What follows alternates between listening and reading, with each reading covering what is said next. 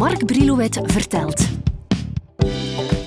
Een swingende podcastreeks over de meest iconische hits en hun al even legendarische uitvoerders.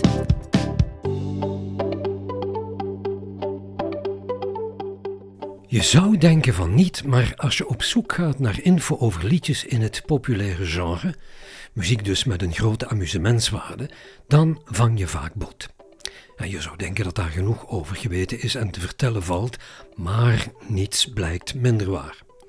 Over liedjes uit bijvoorbeeld het rockrepertoire, info zat, maar over hits uit die amusementsector wordt met mondjesmaat verteld. Dus zal ik die taak voor een deel op me nemen in uh, mijn podcast en er op tijd en stond bij blijven stilstaan. Al is het voor mij ook niet altijd makkelijk hoor om aan de juiste info te geraken. Mocht jij je geroepen voelen mijn info hier en daar aan te vullen, ga gerust je gang. Je kan me altijd bereiken op mark.brilouet.telenet.be. Vandaag blijf ik even stilstaan bij een liedje dat zowel in de Italiaanse als in de Engelse versie een wereldhit is geworden. Quando mi innamoro, oftewel A Man Without Love.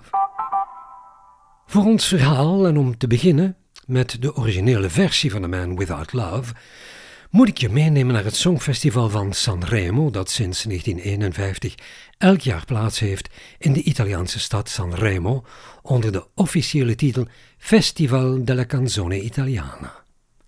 In het thuisland Italië decennia lang al een van de meest bekeken tv-programma's.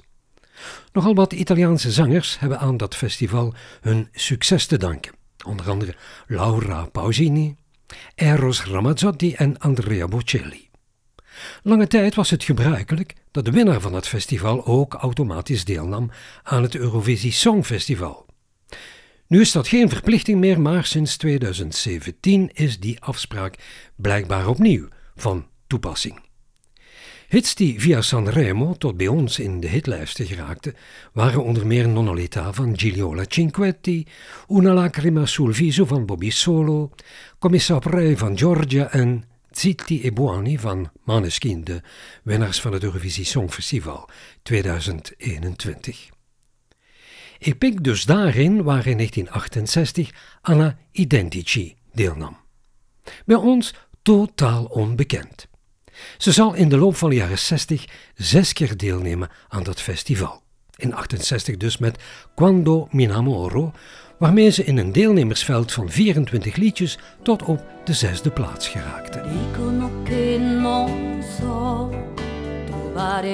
Fiore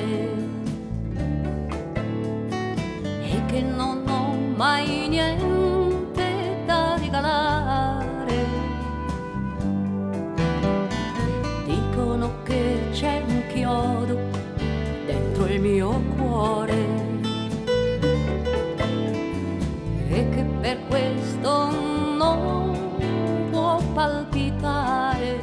Nu is het ook de gewoonte dat aan dat festival van Sanremo jaarlijks een hele rist internationale artiesten deelnemen, die dan op hun beurt een aantal van de geselecteerde liedjes vertolken. Dat maakt dat ze daar ook die liedjes kunnen oppikken, die vervolgens in hun thuisland van een eigen tekst voorzien en het op plaats zetten, al dan niet met succes. En ik denk bij deze bijvoorbeeld aan Dusty Springfield met You Don't Have to Say You Love Me. De eerste cover die van Quando mi innamoro verscheen, was die van de groep The Sandpipers, een trio uit Los Angeles dat oorspronkelijk het vak leerde als koorzangers bij de Mitchell Boys Choir. Het was niemand minder dan Herb Alpert die hen in 66 al zingend drietal ontdekte en hun bij zijn A&M platenlabel een contract aanbood. Ze scoorden een eerste hit met hun versie van de traditional Guantanamera, om twee jaar later te scoren met hun versie van Quando mi innamoro. Quando mi innamoro io do tutto il bene a chi è innamorata di me e non c'è nessuno che mi può cambiare, che mi può staccare da lei. Wie ook graag in het buitenland Leentje Buur ging spelen, in de internationale hitlijsten was Gordon Mills, de manager van Tom Jones en Engelbert Humperdinck. Die had zijn oor goed te luisteren gelegd in Italië en pikte daar in 68 Gli occhi op. Dat liedje eindigde pas op de elfde plaats, maar Mills zag er een hit in en Tom Jones die nam het op als Help Yourself. Datzelfde jaar bood Mills Engelbert Humperdinck aan Quando mi namoro op te nemen. In een productie van Peter Sullivan en een vertaling van Barry Mason werd A Man Without Love een van Engelbert's grootste successen. In onze top 30 stond hij in de loop van 68 op de eerste plaats. In de Britse top 40 bleef hij haperen op de tweede stek.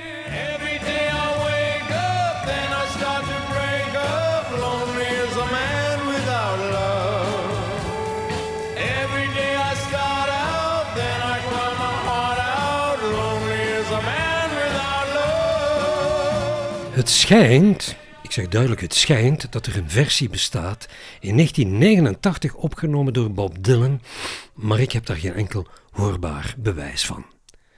Wel werd het in 68 op plaat gezet door de Franse zanger Joe Dassin. Die was op dat moment bezig met de opname van een nieuwe langspeler Les Champs-Élysées.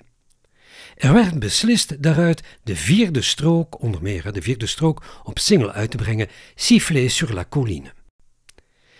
Er werd nog gezocht naar een B-kant en dat werd het nummer Comment te dire, een Franse vertaling door Jean-Michel Riva van Quando mi dat, vraag me niet waarom, niet op die LP-versie is terug te vinden. Quand s'en va le dernier soleil d'automne,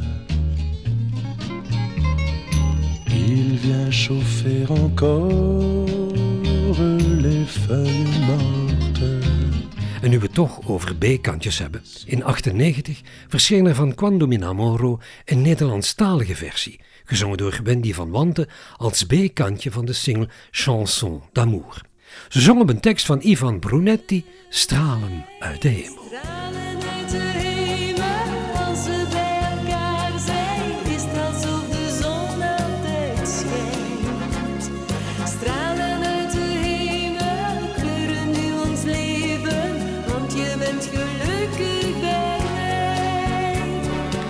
gelooft het misschien niet, maar er bestaat ook nog een klassieke versie van Quando mi namoro. Het woordje klassiek is misschien niet op de juiste plaats gebruikt. Laat me zeggen, een semi-klassieke verpakking. En wel door de Italiaanse tenor Andrea Bocelli, die het moeilijk kon laten deze Italiaanse klassieker ook eens een vocale beurt te geven. Hij deed dat in 2006 samen met de bekende Amerikaanse producer David Foster voor zijn album Amore, waarmee Bocelli in de Ultratop Album 200 tot op de tweede plaats geraakte. En waardoor dat album ook tot een van zijn meest succesvolle behoort.